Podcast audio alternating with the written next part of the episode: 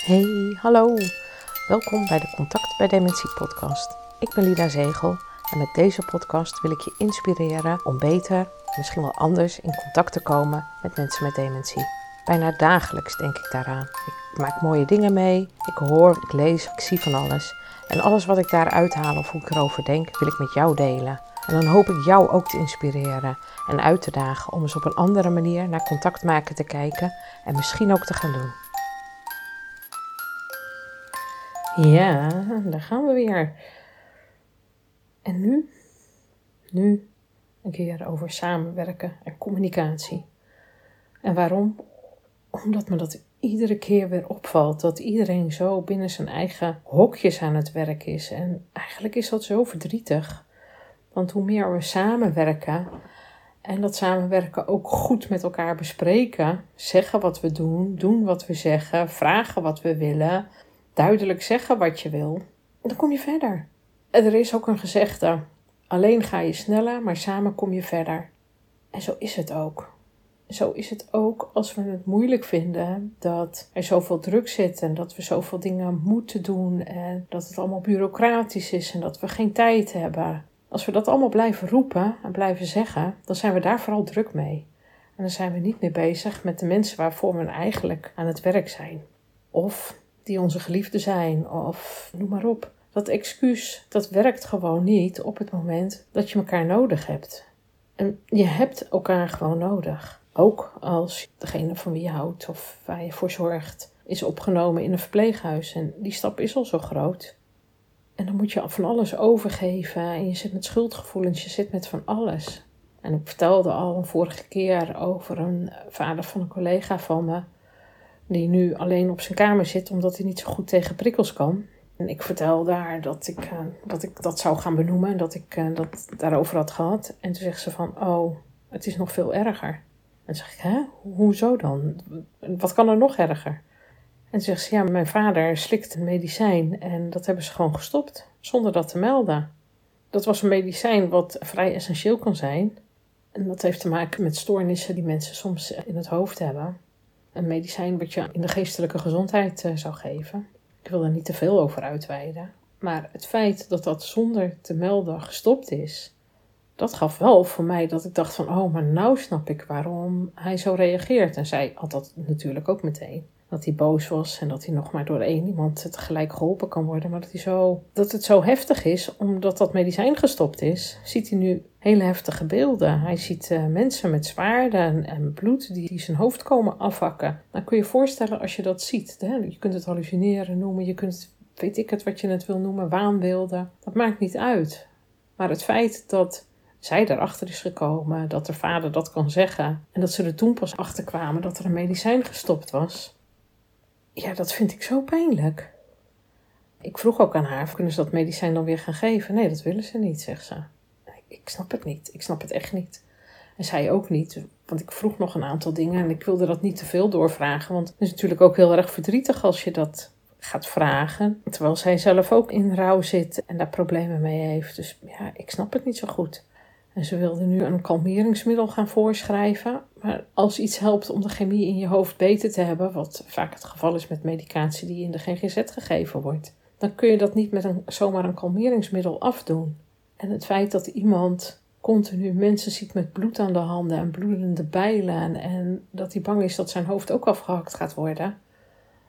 Jongen, ik vind dat nogal wat. Moet je voorstellen dat jij daar als goed welwillende zorgverlener binnenkomt en iemand reageert heel heftig. Dan kun je tien keer zeggen van ja, er is niks aan de hand. Maar als hij jou ziet als iemand met bloed aan een bijl en moordneigingen die op hem gemunt zijn, dat is lastig om dan nog dichterbij te komen. Ik zou het niet eens willen meer dan om dichtbij te komen, moet ik je ook eerlijk zeggen. Als je zoiets door hebt, dan is het heel vervelend. Dus ja, hoe kun je dan in vredesnaam nog goede zorg verlenen? En wie verzint dit? En waarom, en dat is het grootste probleem, waarom is dat niet gecommuniceerd met de familie? De familie die die man gewoon goed kent en weet waarom het is, ook al is het maar een hele kleine dosering wat hij had. Wel waarom het zo essentieel is, waarom het zo belangrijk is en waarom het zo nodig was. En dat krijg je nu dubbel terug. En door de ziekte en door het feit dat er iets gestopt wordt waardoor er in het hoofd van alles weer gaat spelen. Dus twee dingen die in het hoofd gaan spelen. Nou, daar sloeg mijn hoofd best wel even van op hol. Dat ik dacht, dit kan toch niet waar zijn? Je krijgt iemand toevertrouwd bij jullie in zorg en je gaat zonder te overleggen, omdat iemand in zorg is gekomen, is die waarschijnlijk ook al ontoerekeningsvatbaar verklaard. Dus daar ga je ook niet mee overleggen. Goh, we gaan uw medicijn stoppen, vindt u het goed? Of we zitten erover te denken om het medicijn te stoppen, maar dat ook niet overleggen met de familie en nog sterker nog, het ook niet opschrijven. Dat het dus ook niet in rapportages terug te vinden is. Maar dat het pas door de verhalen te delen erachter gekomen wordt dat dit het geval is. Ja, sorry. Ik moest het even kwijt, want ik denk dat hier iets echt heel erg belangrijks gemist wordt. En dat is het samenwerken. Want zowel de familie van de vader, als het personeel, als de zorginstelling zijn er allemaal bij gebaat dat het zo goed mogelijk verloopt. Hoe het gaat allemaal in het verpleeghuis. En als je niet beseft dat je die samenwerking nodig hebt en dat je daarover moet communiceren met elkaar, jeetje zeg, als dat bij de familie vandaan moet komen, ik vind dat nogal wat. Maar dat betekent weer dat wat ik zie is dat je enorm mondig moet zijn. Dat je mondig moet zijn om te zeggen wat je wil, te vragen hoe dat kan, maar dat je aan de andere kant ook enorm afhankelijk bent. Want je bent afhankelijk van de zorg, je bent afhankelijk van hoe mensen je vinden Stel je voor dat je gaat klagen. Ik heb het ooit wel eens verteld dat wij daar ook mee te maken hebben gehad. Maar dat je geen klacht in wilt dienen tegen een zorgorganisatie of een zorgverlener, omdat je er niks mee opschiet. Er gaat wel iets niet goed, maar door een klacht in te dienen, dan staat het ergens beschreven, maar het probleem wordt niet opgelost. En je wil het probleem zo graag oplossen. Dus je wilt niet klagen, je wilt niet moeilijk zijn, je wilt samenwerken. Maar dat moet wel van twee kanten komen. Het is dus heel belangrijk dat je je ervan bewust bent dat je altijd dingen moet vertellen wat je doet. Ook al is de familie niet altijd aanwezig, ook al is niet altijd vast zorgpersoneel aanwezig, ook al is niet altijd een verantwoordelijke aanwezig, ook al is niet altijd een arts aanwezig. Je zal een manier moeten vinden om met elkaar te blijven communiceren, om in contact te zijn met elkaar dit pleidooi om echt samen te werken en te gaan kijken hoe kun je nou het beste met elkaar, het beste voor elkaar krijgen. Kan ik niet anders doen dan aan dit voorbeeld. Alsjeblieft, praat met elkaar. Kijk naar elkaar. Zeg wat er gebeurt. En het lijkt zo simpel van een pilletje stoppen, maar het heeft hele grote consequenties, of kan hele grote consequenties hebben. En de oplossingen die voorgesteld worden zijn niet altijd de oplossingen die de gedachte op of gedroomde of gewenste oplossingen zijn voor degene waar het over gaat en waar de familie nu over moet gaan beslissen. En mag je dan ook nog zelf beslissen? Wie heeft dan de regie? Weet je dat ik, daar heb ik ook al een podcast over gemaakt. Eigen regie en wie heeft de regie? Ja, ik zie veel dingen bij elkaar komen zo. Iets anders over in contact zijn met een ander en in mijn geval maak ik altijd podcast voor jullie over contact bij dementie. Omdat ik het belangrijk vind dat we de mens blijven zien. Hoorde ik Eus Eusjen Akjol vertellen over interviewen. Hij zei, als je een ander interviewt, interview je ook eigenlijk altijd jezelf. En hij zei, ik vind wel dat als iemand mij zoveel geeft, dan moet ik ook wat van mezelf geven. Het moet niet over mij gaan, dus daarin moet je balanceren. Maar ik moet wel het gevoel geven dat ik begrijp waar hij of zij het over heeft. Als jij je kwetsbaar opstelt, voelen mensen zich veilig. Dan denken ze: dit verhaal is bij jou vertrouwd. Dan openen mensen zich. En toen hij dat vertelde, toen dacht ik: ja, ik kan die hele tekst natuurlijk filosofisch gaan behandelen. Maar als ik als mimakker bij iemand kom dan moet ik ook iets van mezelf geven. En dat is of ik kwetsbaar ben, of ik bang ben, of ik voorzichtig ben, of ik het wel of niet zie zitten om langs iemand te lopen als iemand misschien eh, niet in een beste bui is. En dat is voor mij ook altijd zoeken. Mag ik binnenkomen? Mag ik niet binnenkomen? En daarmee geef je de ander ook iets van: hé, hey, ik kan zelf beslissen. Als jij in gesprek gaat met iemand met dementie, en dat merk ik ook als ik bij bloedafname bij mensen kom, dan geef ik ook altijd iets van mezelf. Ik vertel hoe het buiten is, dat is nog het meest makkelijke, hoe het weer is, hoe ik het ervaar, of ik het koud heb of niet. Maar soms vertel ik ook, ik heb ook nog een vader en die is, nou, en dan vertel ik daar iets over. Of ja, mijn moeder is ook niet zo lang geleden overleden en dan eh, vertel ik daar iets over. En het gaat niet om mij of om wat ik heb meegemaakt, maar wel om aan te geven dat ik ook begrijp waar het over gaat. En dat is ook wat Eus, Eusjan Akjon ook zegt. En dat ik dus ook kwetsbaar ben. En dat die kwetsbaarheid, als je die laat zien, nou een clown is denk ik het toonbeeld van kwetsbaarheid, dat mensen zich dan ook veilig voelen. Dat eigenlijk ook in samenhang met die, met die samenwerking en die communicatie, wat laat ik zien van mezelf, wat niet, hoe ver gaat het, om wie gaat het. Ik kan me voorstellen dat uh, bij het verhaal waar ik mee begon, dat je als personeel ineens beseft van hé, hey, we hebben hier nooit over gecommuniceerd. Dat je dan zegt, ja, dit is wel heel erg stom dat we dit nooit hebben gezegd. We moeten dus achterhalen hoe we dat doen, want dit is gewoon niet goed. Dan zou je als familie je daar ook wat, ja, prettig is niet het goede woord, maar wel wat meer bij gehoord en gezien voelen. Dat is anders als er alleen maar wordt medegedeeld dat er iets is gebeurd en waar je verder helemaal geen invloed meer op hebt. Is je verhaal dan nog wel vertrouwd? Openen de mantelzorgen zich dan nog wel voor jou als personeel? En hoe kwetsbaar ben jij dan of is die ander dan? In diezelfde hoek zit ook een verhaal over wat ik las toevallig bij een tweet over omdenken. Vond het ook weer zo bijzonder. Want het ging over een verpleegkundige of een verzorgende, dat weet ik nooit. Die termen worden vaak door elkaar gehaald. In ieder geval een professional die ingezet wordt op afdelingen. En zij noemt zichzelf dementiecoach.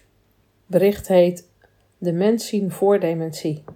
Laat dat nou precies zijn wat ik jullie ook elke keer probeer te vertellen. Van zie alsjeblieft de mensen, niet die ziekte. Die ziekte mag je wel zien, want die is er ook wel degelijk. Maar blijf de mens zien en blijf daarnaar kijken.